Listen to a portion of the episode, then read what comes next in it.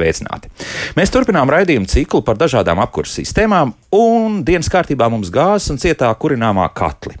Šeit studijā man apkurses iekārta eksperts Raimons Pakšķis. Raimonda, labrīt. Labrīt. labrīt. Raimonda, uzreiz eh, jautāšu, kur šobrīd virzās industrija? Vai pie energoefektivitātes, tieši runājot par cietā kurināmā katliem un gāzes katliem, vēl var runāt, vai tur ir runa par automatizāciju un, principā, ērtību radīšanu patērētājiem?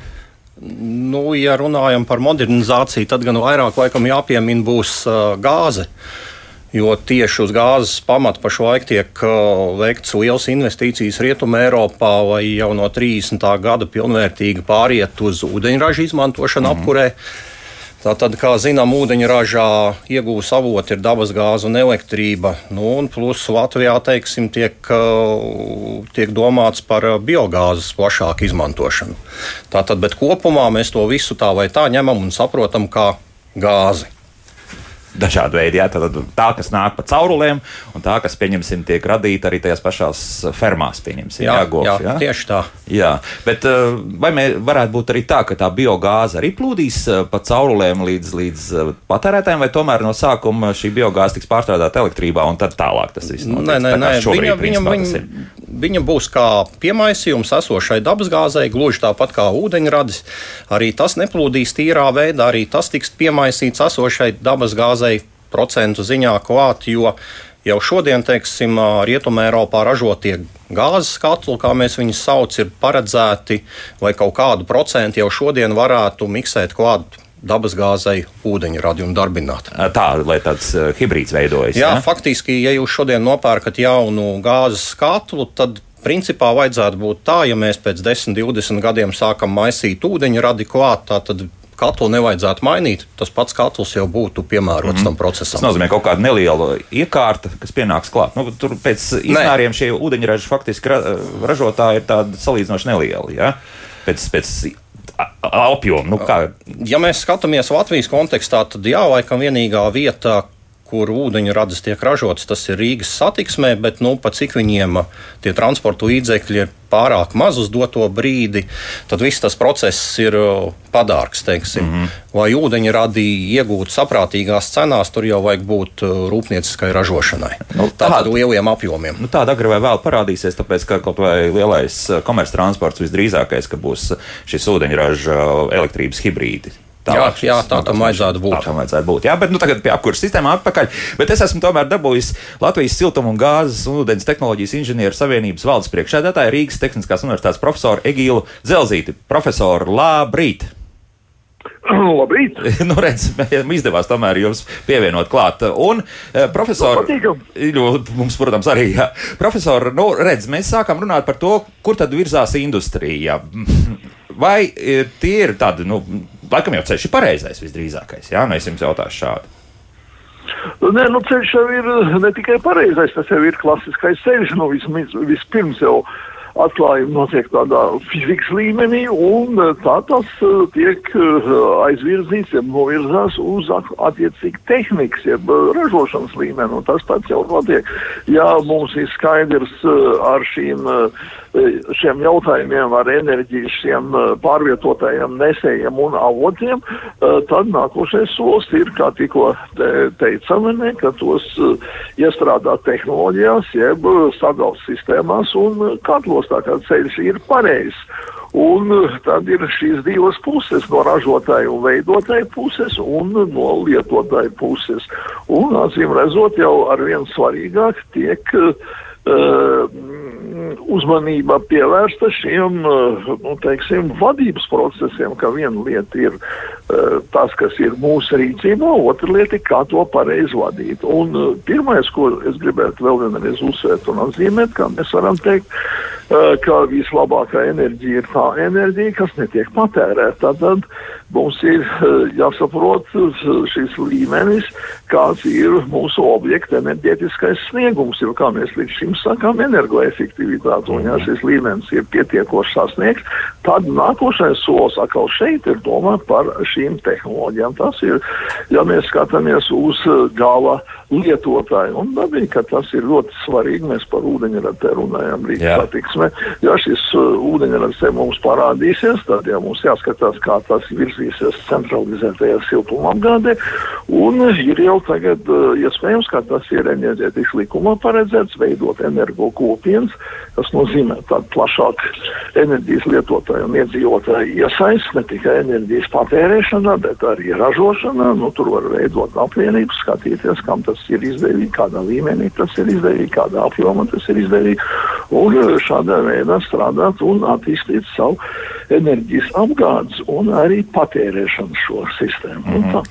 Tāda zināmā mērā decentralizācija varētu pat būt, jā, kaut kādā nu, tas veidā. tā ir, jā, jo šī decentralizācija ir tajā gadījumā arī, ka katram ir jārūpējas, tāpat daudz dzīvojamās mājās šīm iedzīvotāju kopienām jāpiedāvā šo savu māju enerģētiskā snieguma uzlabošanā. Mm -hmm. nu, tas ir mhm. pamat nosacījums. Jā.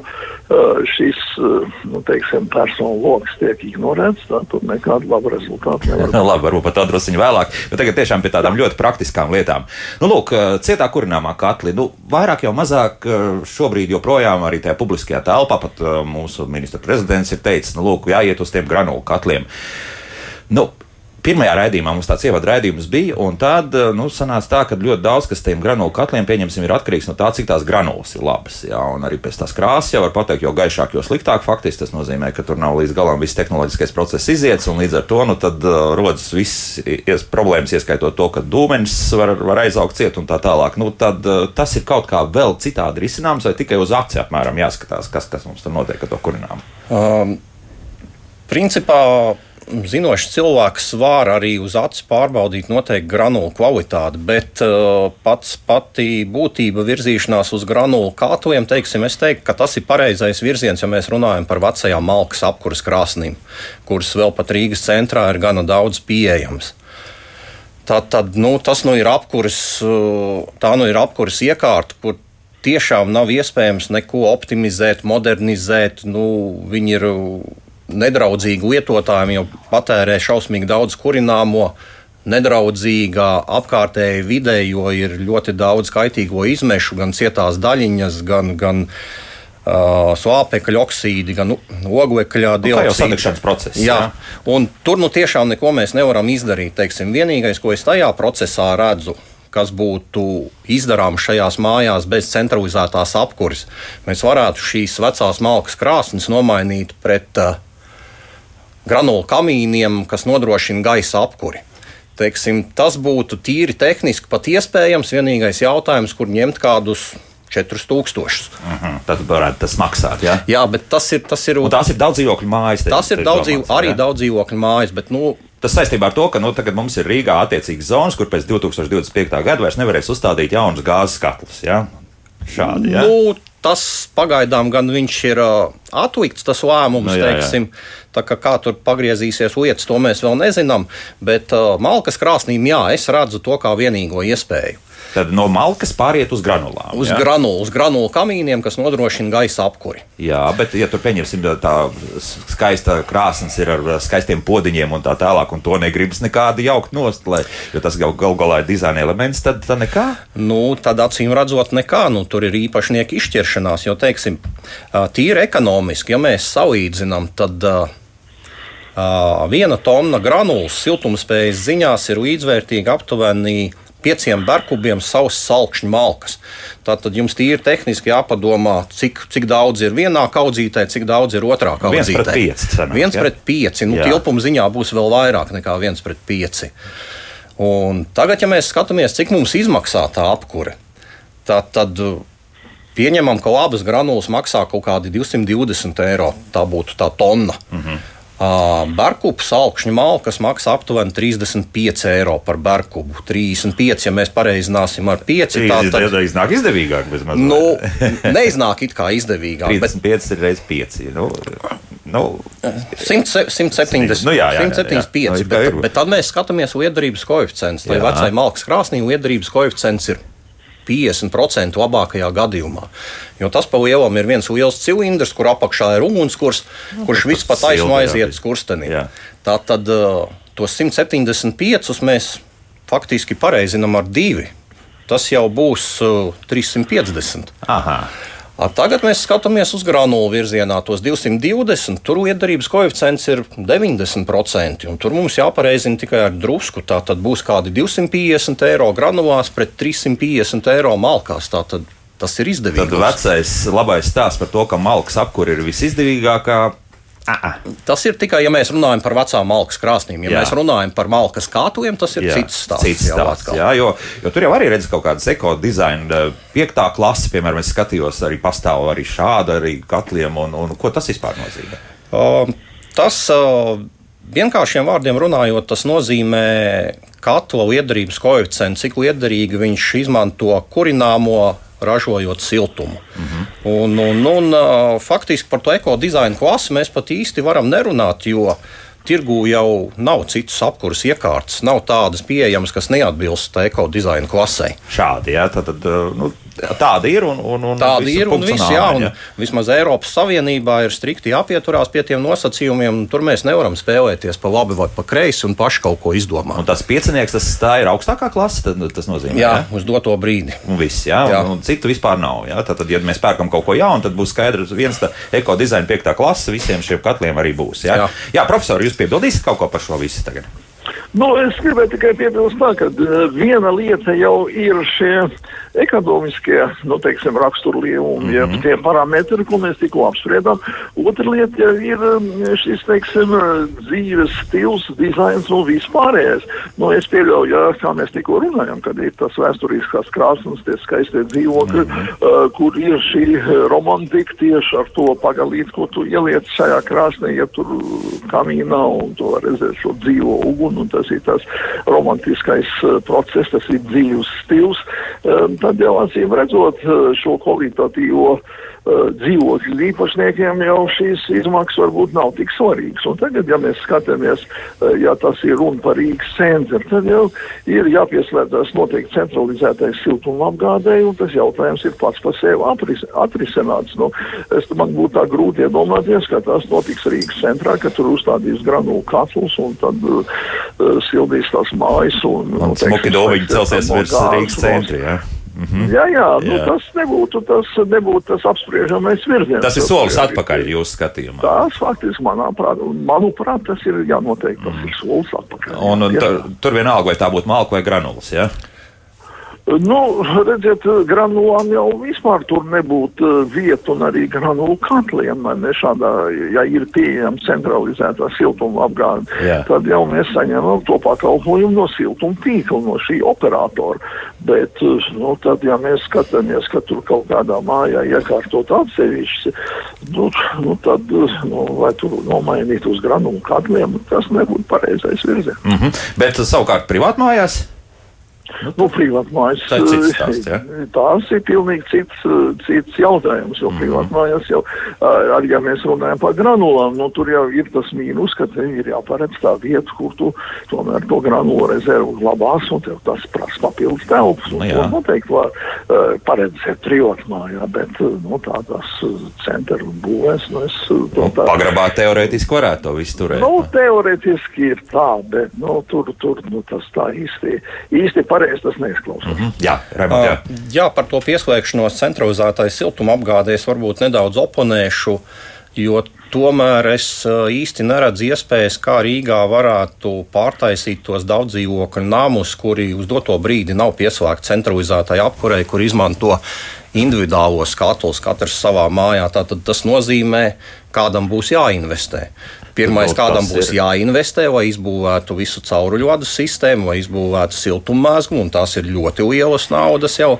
Un otrs jautājums ir, kāpēc. uh, Kāpēc atkal kādam dzīvokļa privātīpašniekam būtu jāļauj, nu, tā rupi sakot, tārdīt ārā savu dzīvokli, daudzīt caurumus, lai izvilktu divus caurumus. nu, jums pateiks, bet maksāsiet nekustamā īpašuma nodokli desmit reizes mazāk nekā pirms tam. Mm, tā, protams, ir cita lieta, bet nu, ticēsim, ka tā nebūs nekad. Tā tad nu, vienmēr sakot, tas ir sarežģīti. Jā, profesor, jā, jā, jā. jā. Nē, nē, nu, mans komentārs būtu tāds, ka šeit jau var šis centralizētās siltuma apgādes organizētājs piedāvāt savus arī risinājumus, savu partnerību mhm. un šos jautājumus risināt. Nu, es tā kā nevarētu iedomāties to, ka, ja tur nav izveidot šis, nu, teiksim, tāds apkurs, nu, teiksim, tīkls tajā dzīvojamā pašā mājā, tā inženieru sistēma kā tāda, un te jau atliek jautājums, ko tur pieslēgt galā, vai tādu katlu, vai tādu katlu, jeb visu to sistēmu caur siltumu punktu pieslēgt šai centralizētai siltuma mhm. apgādē, ja tur tās trāsas ir. Nu, es gribētu vērst to uzmanību tāpat kā šādās uh, blīvās apbūvēs, tā arī, nu, teiksim, tādās uh, savrupmāju apbūvēs ir šis katrs gadījums jāvērtē daudzpusīgi no visām pusēm, kur ir vide, kur ir enerģija, kur ir šī pati būve, un tad jāpieņem tie lēmumi par to, kā tur uz, to virzīties. Un šeit jau parādās tā loma uh, pašvaldībai, ka tur var tikt izdot uh, šie saistošie noteikumi, kas tur nosaka, uh, kādu tur, teiksim, enerģijas veidu pielietot un kāda ir šī attīstības perspektīva un tā tālāk. Tas ir mhm. pašvaldības tiesības un tieši ar to pašvaldības, teiksim, saistošiem noteikumiem, ka tur turpmāk darīt tā, nu, te ir šīs pašvaldības regulēšanas teiksim, mēģinājums. Un vai viņš ir veiksmīgs vai neveiksmīgs, nu, tur to jau pārskatīs un skatīsies tālāk. Nu, no otras puses ir jau arī uh, Eh, Eiropas līmenī eh, šis jautājums par eh, šīm tīrām un alternatīvām enerģijām, un tur jau ir teikt, priekšlikums, kad arī šo dabas gāzi, kā tādu tieši dabas gāzi, uzskatīt, ka tā ir pietiekoši tīra zaļa un tā, nu, pilnīgi alternatīva enerģija, tāpat kā kodola enerģija. Nu, tie lēmumi arī ir tādi pagaidām diskutabli, bet tas process jau tādā virzienā virzās. Tā tas jau var iznākt, ka arī šie dabas gāzes, nu, ja mēs viņu atveram, protams, no biogāzes pieaugsim ūdeni, bet tā perspektīva ir tāda, ka arī šī dabas gāze var kļūt par tādu, nu, teiksim, oficiālu vidēji draudzīgu. Nu jā, nu jā, par to varbūt drusciņi vēlāk, par to dabasgāzi mūsu redzījuma otrā pusē, bet mums jau diezgan daudz arī radioklausītāji šobrīd raksta, un mūsu mājās Rīgā apkura ar malku ir visizdevīgākais, jo malka nāk par brīvu no paša laukuma saimniecības. Nu tad jā, tad, protams, nu, īsti jau par brīvu tāpat jau nesanāks, tā, transporta izmaksas vienalga būs, bet uh, tur, protams, tādā ziņā, ja tev ir gandrīz naturālā saimniecība šādā sanāk. Jā, jā protams, ja kādam ir privātais mežs, tad jā, protams, tāda malka ir viņa īpašums, ko, viņam, ko viņš maksā tikai par uh, fizisku malkas nozāģēšanas, saciršanu. Tad jā, bet uh, mums jāskatās šeit gan malkas ziņā, mums jāskatās vairāk tīri uz uh, ekoloģiju, uz draudzīgumu videi. Jo malka, ja mēs skatāmies uz cietajām daļiņām, PM2,5, par ko tika runāts arī Rīgas domas lēmumā, kurš tika pagaidām apturēts. To, jā, Faktiski jā. malka ir vislielākais no apkurses veidiem, vislielākais radīt, kas rada šīs PM2,5 mm -hmm. daļiņas. Un ja mēs salīdzināsim teiksim, ar to pašu dabas gāzi, tad tur tā starpība ir vairākus tūkstošus reižu Cik jau saražo gāzes? No, katlus, no gāzes jā? faktiski nav nekas. Nu, no malkas viņš ir vislielākais, pat lielāks nekā no oglēm. Mm -hmm. nu, jā, nu, tā ir problēma. Bet tā ir iespējams pilsētas problēma. Ja mēs skatāmies atkal, varbūt kādā mazpilsētā vai vispār kopumā laukos, tad uh, tas liekas, nu labi, nu kaut kas jau tur gaisa aizies, bet nu, pēc tās kopējās iedzīvotāju apdzīvotības un arī kopējo šādu krāšņu daudzumu, nu, tad mēs tur vispār. Nu, tuvu nulē tas viss būs. Jā, jā, jā, viennozīmīgi. Pārsvarā tā ir pilsētas problēma, jo tur mm. nāk vēl uh, transporta radītais smogs klāt. Un, jā. un, un tad uh, iedzīvotāji, teiksim, kas dzīvo tajos rajonos un kaut arī teiksim, kurina ar vidēji draudzīgāku degvielu, viņi, viņi jūt to smogu. Jā, nu, iebraucot iekšā, protams, jā. Jā, tā, tā tas ir. Bet, lūk, ko Andris mums ir uzrakstījis. Uh, pagājušajā komentārs, bet nolasīšu visu. Varu pastāstīt par savu pieredzi ar granulu katlu. Esmu cilvēks ratiņkrēslā, tādēļ pilnībā uzticējos kādai lielai firmai, kas solījās būt draugi pirms un pēc. No savas puses izpildīja visas prasības, pagaidām netikšu kādas, un katlu uzlika. Ļoti drīz sapratu, ka tāda, uh, ja vajag kaut ko vai tikai konsultāciju, firma tā īsti neko nesola, speciālisti tālu, visi aizņemti, jums piezvanīs un tā tālāk. Un tā, tālāk. tā arī šobrīd jo pēc tam, kad granulu katla piegādātāji atzina, ka vairs neražo 8 mm granulas, Eiropā vajag 6 mm katla padevi ir jāpāregulē. Nu, jau otrā nedēļa, kā klauvē pie šīs firmas durvīm, taču solījumi tie paši, un par granulu katliem, manuprāt, tas ir strupceļš, jo cenas aug tikpat sparīgi kā gāzei. Šobrīd paleta labu granulu maksā no 200 līdz 210 eiro, nu to mēs nu pat arī šo cenu minējām. Piegāda 20 eiro par paleti, jā, plus piegāda. Redz. Un 2021. gadā attiecīgi 140 un 10, tad gandrīz dubultojušās šīs cenas ir. Un, ja ražotāji atzīst, ka viņiem izdevīgāk un vieglāk ir saprast, nopakot fūru uz Eiropu, nekā izvadāt granulas klientiem Latvijā. Tad, tādēļ arī šim produktam cena aug un augs. Lūk, lūk šis komentārs. Un tagad komentārs Raimond no jums un arī profesora Pulīt arī iesaistīsim. Jā, jā, jā, jā, teiksim, cenā biomasa iet uz augšu. Varbūt eh, ne tik strauji malkai, cik eh, šķeldai un granulai. Ja malka, teiksim, tas, eh, to mēs varam teikt tīri vietējais kurināmais, tad par šķeldu granulām mēs nu, nevaram vairs teikt, ka tas ir vietējais kurināmais. Uh, tad, kur tad tas nāk? No visu, kurienes? visu laiku teiksim, diezgan daudz teiksim, šķeldas un izēju materiālu priekš granulām tika ievests no Baltkrievijas. Tagad, cik es saprotu, tad Baltkrievijas tirgus ir aizvēries. aizvēries tagad teiksim, tirgu ir radīts deficīts. Teiksim, mums jau piebiedrojās no kaimiņu valstīm iepirkēji, kas to cenu dzen vēl uz augšu. Faktiski jā, tagad tā cena gan granulām, gan šķeldai varētu kāpt. Vēl, vēl. Vēl. Aha, lūk, arī vēl šis. Nu, jā, esam nonākuši skaistā bet, bet, laikā. Bet jā. par to servisu varbūt drusku jā. pieminēšu. Teiksim, mans ieteikums ir, ja jūs pērkat apkurses iekārtu, vienalga malkas katlu vai granulas vai kādu citu apkurses iekārtu, vienmēr paprasiet, vai jums iedod sarakstu ar servisu firmām. Nu, firmām vajadzētu būt vismaz desmit. Jo paši saprotiet, uz visu Latviju, ja jums iedos vienu servisu speciālistu, nu, jūs viņu ziemas laikā visticamāk nedabūsiet. Mm -hmm. Tad, nu, ja tā var teikt, dīleri, jā, tad ir vairāki, jā, un, un tie varētu arī palīdzēt. Jā, profesori, nu, lūk, šāds komentārs. Ko jūs teiksiet? Uh, nu, komentārs atkal ir um, nu, tāds pēc būtības, jo mm, tā atšķirība jau, nu, kā visu laiku esam skatījušies, jā, dabas uh, gāzē ir tiešām šeit tirgu ir šīs svārstības, tad šķeldē un šiem koku materiāliem tomēr tā tendence ir tāda, ka tā piekā, cena kāp, bet kāp tā pakāpeniski un nedaudz lēzenāk, bet, mm, nu, tas, lai liekas tā, ka, jā, jā, ka tas kāpiens nu, tāds viņš ir, tāds viņš paliks ar gāzi, tā kā gāzei cenas krīt. Nu, ja mēs tagad skatāmies, ka runājam, ka ir divreiz pieaudzis, tur izmaksas ir četreiz, piecreiz pieauguši, mm -hmm. tad, ja mēs paskatāmies, ele, paskatāmies elektroenerģijas uh, tirgu uh, tādas uh, Amerikas Savienoto valstu dienvidu štatos, tad jau tur vasaras laikā biržā cena pieauga vairākas desmit reizes.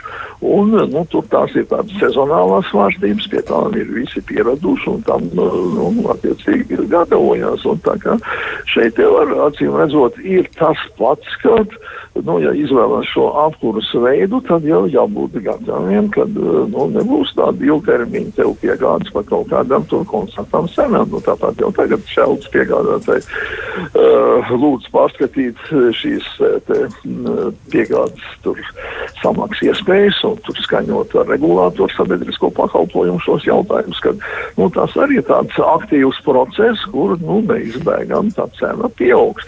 Bet, ja gāzē, pie, nu, pēc manas pārliecības, atkal būs šis kritums atpakaļ, ja mēs paskatāmies šos grafikus, kā tas ir bijis gāzes tirgošanā, tad šķeldē būs šī šīs pieaugums, vēl tas ir tomēr tas resurss sācis izstrādāties no paša sākuma, un tur tā tendence ir tāda, ka viņš lēnām pieaugs, un nu, mhm. faktiski jau tad arī saglabās ilgāk šo jau sasniegto cenu līmeni. Skaidrs, tad, tad es tā jūtu, ka jūs abi divi uh, liekam vienā pusē gāzes katls, otrā pusē cietā kurināmā katli, tad vairāk velkat uz to gāzes pusi, ja?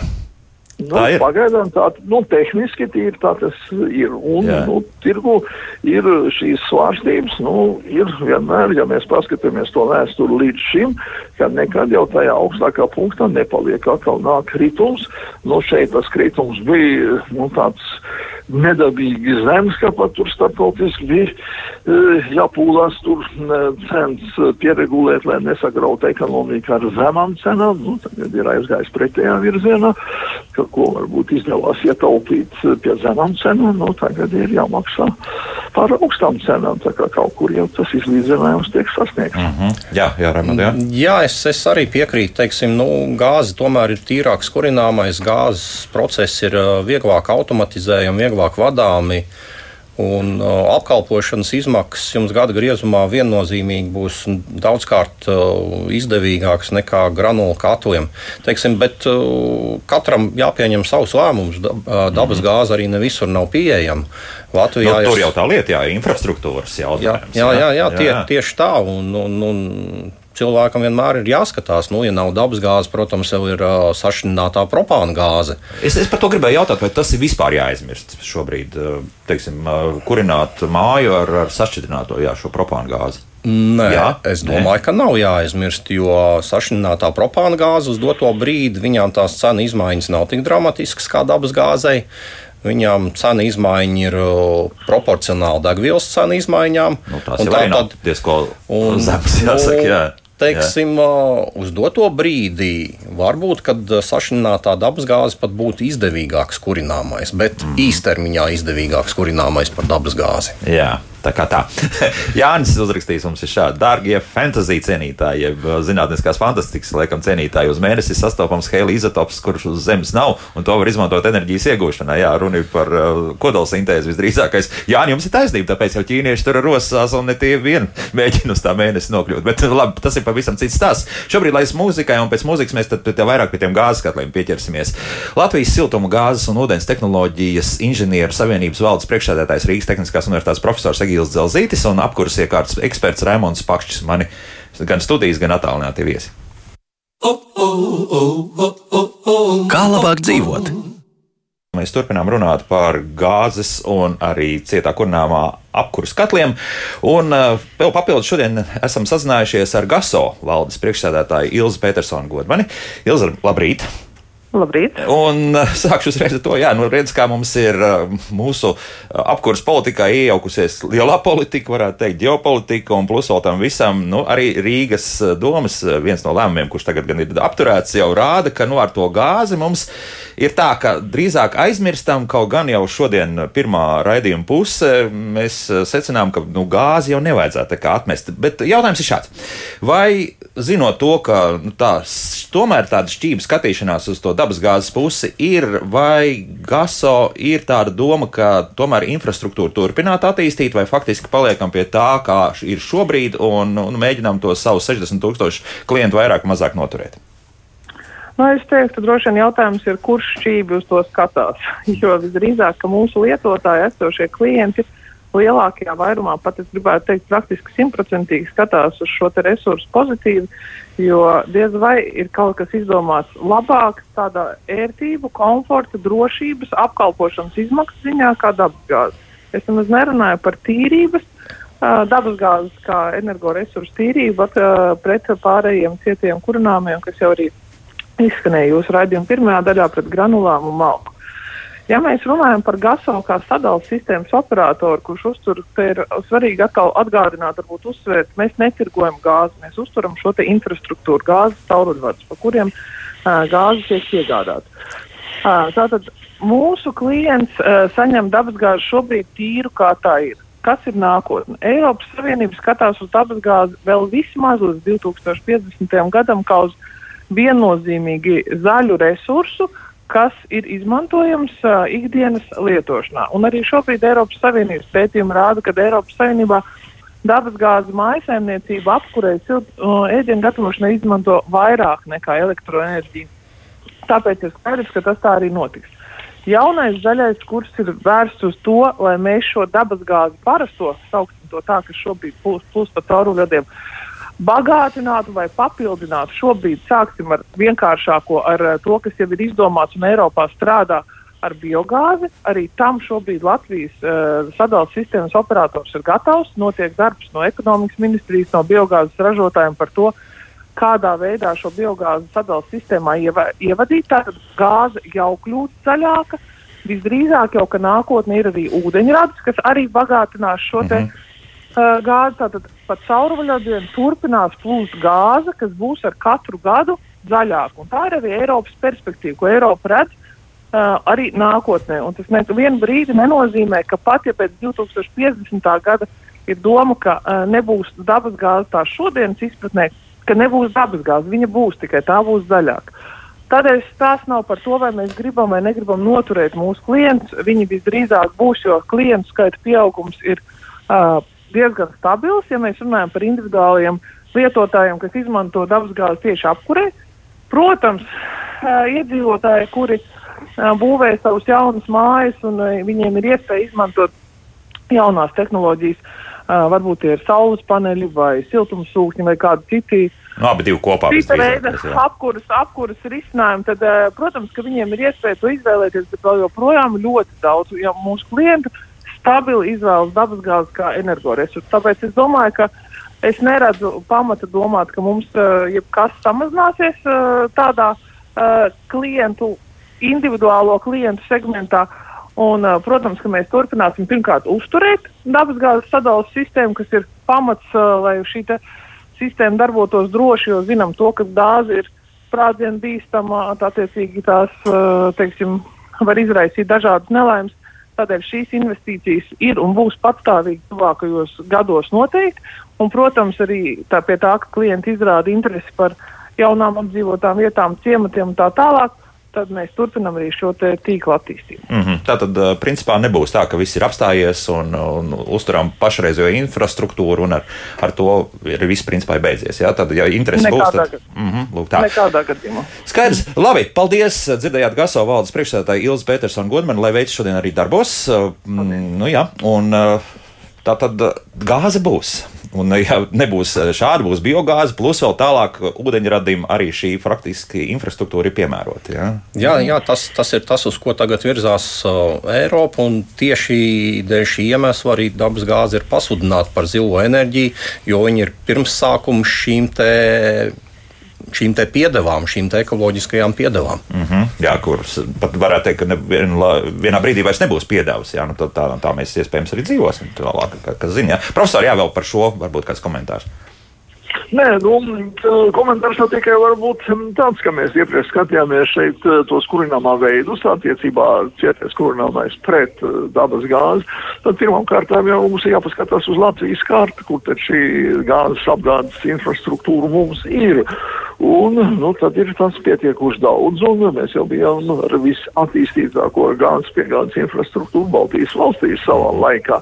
Tas mums ir šī infrastruktūra ir mantojumā, nu, kā mēs tikko dzirdējām no valdes priekšsēdētājs, tad šī infrastruktūra tiks attīstīta, tur mēs sekojam līdzi šai, teiksim, ekonomiskai attīstībai, kādā veidā šeit, nu, teiksim, perspektīvā veidosies pilsētas sākot ar Rīgu un vispārējo. Nu, tad jau skatāmies, kā mēs pielāgojamies šeit klāt ar uh, administratīvu teritoriālās uh, reformas rezultātiem, ka mums ir tādi uh, ekonomiski spēcīgāki jau šie iedalījumi, un tas jau dod atkal jaunu perspektīvu arī šai enerģijas apgādes sistēmu uh, attīstībai. Tātad jautājums ir, uh, ar ko uzpildīt šo, mm, teiksim, dabasgāzes sadals infrastruktūru un kā to turpināt uh, attīstīt. Un šeit ir tie divi virzieni tieši no tās gāzes tehnoloģijas puses un arī tīri tehniski, kas ir redzams tirgu, kā tur tiks sasniegt šie jaunie būs rajoni, nu, tie jaunie pieslēgumi, kā saka, centralizētai uh, šai enerģijas apgādē. Nu, tad paralēli jau jāskatās, vai ir izdevīgāk tieši galu klientam piegādāt, teiksim, šo dabas gāzi, kā mēs šodien sakām, un vēl papildinām to dabas gāzi, vai nu, te veidot uh, centralizēto siltumu apgādu un attiecīgi to centralizēt, sagatavot šo siltumu mm -hmm. piegādātāju savādākā veidā. Un tad ir perspektīvā jā, jāvērtē šie divi varianti. Un uh, šeit jau nāk vēl klāt, ka tikai ne tā var būt siltuma apgādā, var būt arī centralizēta dzēsēšana, kas mūsdienās var būt ļoti svarīga arī mūsu klimatā. Un tas nozīmē centralizētu dzēsēšanu. Ko tas nozīmē, profesor? Nu, Nu, tas nozīmē, ka klients var uh, saņemt uh, karstā laikā šo uh, nu, teiksim, kvalitatīvu iekštelpu komfortu, jo mēs varam to ne tikai telpas uzsildīt, bet arī dzēsēt caur šo centralizēto dzēsēšanas sistēmu. Nu, tas ir tas. Un tad jau mēs, kā es jau iepriekš uzsvēru, varam šeit veidoties tāds enerģijas kopiens, un ir jau arī ļoti perspektīvs šis vēl siltuma atgošanas teiksim, iespējas, piemēram, no pilsētas notekūdeņiem, ka mums ir iespējams atgūt ar siltumsūkni, teiksim, nodrošināt mikroklimatu uh, augstā laika periodā, jeb apkurs laikā, un dzēsēt brīvdzēsēšanas režīmā vasarā. Nu, šeit ir ļoti perspektīvs arī un tāds uh, daudzsološs virziens. Vienmēr sakot, virzieni daudz, virzieni nu, daudz. Nu, virzieni daudz, daudz, un tāpēc jau tā perspektīva ir apvienoties mikrotīklos, mikrokopienas, uh -huh. enerģijas kopienās, un šeit, nu, iesaistīt plašāk ar vienu šos iedzīvotājus un apsaimniekotājus, un tādā veidā radošo uh -huh. Juridisko pamatu tam visai virzībai. Interesanti, interesanti, interesanti. Jā, bet paklausīsimies šobrīd kādu klausītāju. Lūdzu, jūs varat runāt? Halo! Halo. Labdien! Labdien. Sakiet, lūdzu, vai tāds kurināmā veids kā kūdras briketes vēl eksistē kādreiz, es teicu, ar, kur, ar kūdru kurinājumu? Mm -hmm, jā, paldies! Nu, brīvā tirdzniecībā, Nav. diemžēl, nesmu nekur manījis. Jā, tādas. un to noteikti mēģinās visos veidos uh, nīcināt pat ārā, jā, jo, jo tā diskusija šobrīd ir, ka vai vispār ļaut izstrādāt kūdru purvos. Jā, un, jā tieši tad, tā. Un, un, un tad vienīgais tas arguments, kāpēc to varētu darīt, ir tas, ka kūdra tiek izmantot lauksaimniecībā, dārzkopībā un tā tālāk. Un tā tālāk. Nekādā gadījumā kā kurināmo. Jā. Tur faktiski Eiropa ļoti atsakās no tā visa. Īrijā tur bija vesels jandāliņš ar to, bet nu, tomēr pieņēma šādie lēmumi. Ja runājot par gāzi, Reko mums Ingu uzrakstīja pirms kāda gada Pirms gada jā, ievilka gāzes apkure, izmaksas bija apmēram 10 000 eiro. Protams, bija arī ļoti daudz nērtību, izvilkts caurulis, bojāts remonts un tā tālāk. Liekas, ka līdz 30 gadam nevaram pat atpelnīt ieguldījumus visus. Ja, nu, viņi tā rēķina apmēram šādās kategorijās, plus vēl tās visas nērtības. Nu, viņi tālāk gan jautā, vai šādiem lēmumiem nevajadzētu būt saulaicīgākiem. Laikam runa ir par to Rīgas domas attiecīgo, ja pieņemto un šobrīd atlikto. Bet, nu, Kā ir ar investīcijām šajā jomā? Teiksim, nu, mēs redzam, jā, ka 10,000 eiro tomēr ir iztērēts, un tas nav maz patiesībā. Ja? Um, nē, nu šeit mums ir jāsadala teiksim, tā visa investīcija vairākās daļās. Viens ir kopējās apkurses sistēmas izveidošana mājā, kas mums ir jādara jebkurā gadījumā, mm -hmm. neatkarīgi no, no, no siltuma avota. Tad, teiksim, ir pašā gāzes katlu iegāde, teiksim, un uh, gāzes katls teiksim, iegāde finansiāli varētu būt pat uh, viena no mazākajām investīcijām salīdzinot ar visiem pārējiem siltuma uh, iegūs avotiem. Nu, plus pieslēguma izveidošana. Nu, un plus pieslēguma izveidošana, teiksim, nu, tas ir tās, kas atkal, teiksim, veidojot citus siltuma avotus, nav vajadzīgs. Bet, nu, jā, tā tad šeit ir viss tā procedūra, kas jāiziet cauri, viss saskaņojumi, un tad ir arī tas fiziskais darbs teiksim, pievadīt to gāzes mm. vadu līdz ēkai. Tā varētu būt pat uh, viena no lielākajām investīcijām. Nu, tas, tas gan jā, jo tad liekas, ka tā kā mēs arī iepriekšējā raidījumā, kad mēs runājām par apkurses sistēmām, ka šie siltumsūkņi, kur ielikt, ja tev ir vieta, kur ielikt šo kontūru un viss, jā, tu aproc un, un tālāk tev tas ir faktiski uz, uz visu mājas mūžu, kā izrādās. Jā, tas ir derīgs. Tur, tur ir parādās tie plusi, jā, ka tev nav jāveic. Bet kopumā nu, jā, nu, tās investīcijas būs neizbēgami. Nu, investīcijas būs, teiksim, nu, taisot jebkuru citu apkursu veidu, mums tāpat būs vajadzīgs siltuma avots, tātad katls un visa pārējā apkursu sistēma. Mums atkritīs tiks, teiksim, tikai gāzes pievads. Nu, te savukārt, atkal, ja mēs runājam par tiem pašiem granulu katliem, tad granulu katls varbūt, nu, labi, tie ir, cik es es skatījos pēc tām cenām, nu, tas ir apmēram no 8 līdz 31 kW jauda, jā, būs tāds nu, 3000 un varbūt drusku vairāk eiro. Nu, tad pieslēdzam, tālāk tur ir diezgan liela automatizācija. Jā, tev jāparedz vieta, kur tu tās granulas turēsi, bet, bet viņam pat ir jau pašatīrošais degls un tā tālāk. Un tā tālāk. Nu, liekas, ka varbūt ka tad es esmu tomēr finālā. Nu, 15 gadu kaut kādā nogri, nogriezienī esmu ieguvējis no tā granulu kārta. Um, Ja mēs, ja mēs skatāmies uz pašreizējo cenu attiecību, kādas ir dabasgāzei pret granulām, tad jā, teiksim, Bet ticams, ka teiksim, tā gāzes, teiksim, gāzes cena samazināsies. Viņa, protams, ka vairs nebūs mums tāda kā cena, kāda viņa bija mums pagājušā gada, gada sākumā. 200 nedaudz vairāk par kubikmetru, ja? eiro. Ja? Nevis kubikmetru, bet kā viņi tur rēķina. Nu, nu, jā, Nebija jā, jā. 30 eiro par megawatu stundu aptuvenā cenu. Teiksim, nu, tādā cenā mums jāsaprot, ka viņi vairs nebūs. Mums jāsaprot arī to, ka granulas vairs nebūs tādā cenā, kādas viņas ir pašreiz. Teiksim, gāzi ies uz leju, granulas ies uz augšu. Nu, un, uh, vienā brīdī tas izlīdzināsies, teiksim, uh, bet uh, tad mums jāpaskatās uz apkopes izmaksām. Uh, Cik daudz mums prasa gāzes katlu apkalpošana, cik daudz mums prasa visās granulu iekārtas apkalpošana. Jo granulu iekārta, teiksim, tur mēs nevaram runāt tikai par katlu apkalpošanu. Tur tā tad uh, ir uh, katls, katlu tīrīšana, degļa pārbaude, apskate, padeves mehānismu pārbaude. Nu, un, protams, vēl visi tie putekļi, kas telpā veidojās no tām granulām. Mm, Gāzes katla apkopēji izmaksas ir diezgan minimāls. Jo, ja mēs esam nodrošinājuši kvalitīvu siltumu nesēju, tas ir ūdeni, tad, tad pēc idejas gāzes katlam tur īpaši nav ko darīt. Tomēr atpakaļ uz gāzi.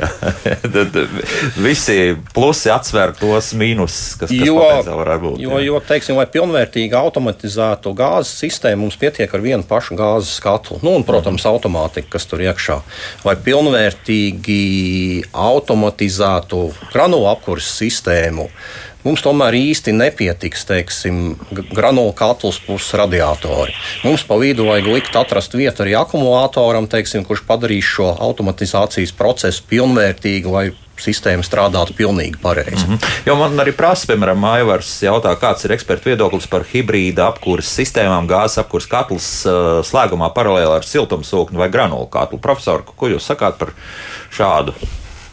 Nu, Labi, jau šeit, jau mēs, um, šeit jau mēs atgriežamies pie tām, uh, kā mēs tikko sākām um, izvērtēt šie ieguldījumi, investīciju tur uh, atdevi. Mm -hmm. Ja jau mēs varam salikt paralēli vairākas iekārtas, tad dabīgi mēs varam sekot līdz enerģijas tur, um, izmaksām un uh, lietot to, kas tajā brīdī ir izdevīgāks. Bet sākotnēji ieguldījumi tad būs tomēr lielāki. Un šeit jau mēs ļoti pareizi mm, to visu skatījām, ka ir jābūt šim dzīves cikla izvērtējumam, un tas nav tikai šie sākotnēji ieguldījumi, tas nozīmē to, kamēr uh, tas uh, tiks, iekārta tiks darbināta, cik tas izmaksās šādā laika periodā, kā mēs uzskatām to nogriezni, cik ilgi mēs šo iekārtu izmantosim. Un tad tas var ļoti, ļoti atšķirties. Un vēl ko es gribēju komentēt, nu, ja mums ir uh, pašreiz jau otro gadu šī pasaules pandēmija, Un tad uh, ir ļoti svarīgi, ka mums uh, kļūst vēl svarīgāk šī uh, iekštelpu gaisa kvalitāte, kur tiek pārskatīta normatīva par enerģijas atgūšanu no gaisa, no izlietotā gaisa, no visām šīm iekārtām. Un tas ir ļoti svarīgi, lai uzturētu iekštelpu šo stabilu un veselīgu un kvalitatīvu gaisa kvalitāti iekštelpās. Un tas ir tas, ko nevajadzētu aizmirst. Un jā, mēs ieguldām arī šos līdzekļus, lai šo sistēmu sakārtot, lai mums būtu uh, šis uh, iekštelpu gaisa kvalitāte tāda atbilstoša mūsdienu tādām ne tikai ērtībām, bet arī tām prasībām, lai tas neveicinātu tādu tālāku vīrusu izplatību. Arī šis aspekts ir ļoti svarīgs, un tāpēc arī šī pēc pandēmijas, kas mums ir paredzēta nauda, ir jāvelta tam, lai šīs sistēmas sakārtot, un tad jau šeit ir paredzēts šīs uh, pieejams finanses atbalsta instrumenti, uh, kas dos iespēju šīs mājas ne tikai, kā mēs kādreiz teicām, siltināt, bet arī pilnībā renovēt kopā ar šīs in, uh, inženieru mūsu sistēmas, lai mēs gala rezultātā nodrošinātu pietiekam kvalitatīvu uh, iekštelpu gaisa stāvokli un tādā veidā arī, kā teikt, samazināt šīs iespējamās pēc pandēmijas vīrusu ietekmes. Mm -hmm. nu, tāds vēl viens aspekts, jā. Bet tagad Nu, atkal. tas noteikti to nevajag aizmirst. Protams. Tagad Kaspars jautā, kāpēc centralizēta apkūra pilsētā sanāk dārgāka par daudz dzīvokļu mājās, individuālo gāzes apkūras saražoto? Nu, Nu, bet, uh, kā to var salīdzināt, jo daudzīgokļu mājās ir vesela inženieru sistēma, kuru tad vai nu var pieslēgt eh, katlam, kas ir visai mājai, mm -hmm. vai arī centralizētai sistēmai. Jo tu jau nevar ielikt daudzīgokļu dzīvojamā mājā, kas ir pieslēgta centralizētai siltuma apgādē, individuāli gāzes katlu.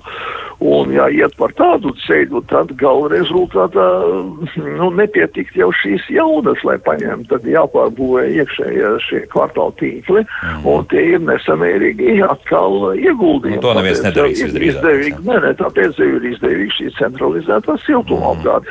Un tas, nu, salīdzinājums, nu, nebūtu īsti pareizi, ka paņemt, ja man būs, nu, tur viens skantls. Nu, šeit jau arī ir tas, ka to siltuma enerģiju jau mēs nopērkam gatavu, un mums nav jārūpējās tur par apkopu, par uzturēšanu un tā tālāk par darbināšanu. Bet, ja mums ir šī gāzes iekārta, kā mēs nu, tikko runājam, tad tā ir jāskata šādā ciklā, un šeit ir atkal centralizētās siltuma apgādes priekšrocības. Mm, jā, tieši tā. Šodien mums ir jābeidz, bet uh, katrā gadījumā mēs esam viesuši vēl nedaudz vairāk skaidrību par to, kādas tad apkurses sistēmas var izvēlēties un uh, kam tad dot tomēr priekšrocības. Nu, protams, ka vienmēr kā visam ir savi bet un ir savi arī plusi un ir savi mīnus nenoliedzami. Tāpēc šodien saku pie daudz punktiem apkuras iekārtu ekspertam paldies Raimondam Pakšim par, par sarunu, kā arī Latvijas siltumgāzes un ūdens tehnoloģijas inženieru savienības valdes priekšsēdētājiem Rīgas Tehniskās universitātes profesoram Egilam Dzelzītim par sarunu. Paldies, kungi! Mēs noteikti atgriezīsimies pie tā, jo jautājumu ir milzīgi daudz, un tos es arī mm, Raimondam pārsūtīšu jā, šos jautājumus, lai ir, ir ko lasīt, un varbūt arī iespējams ir iespējams atbildēt visiem tiem, kas ir uzrakstījuši savus e-pasta adreses lūgtā. Bet eh, rītdien mēs eh, turpināsim tās tehniskas lietas risināt, proti, radio un televīzijas signāli. Latvijā ne visur ir labi uztverami, un dažreiz pat arī pilsētā, kur visam vajadzētu būt kārtībā, ne tas radio, ne tas televizors īsti labi strādā. Par to, kāpēc tas tā notiek un kādi ir risinājumi, tad to visu izrunāsim rītdienas raidījumā. Jaukdien visiem un atā!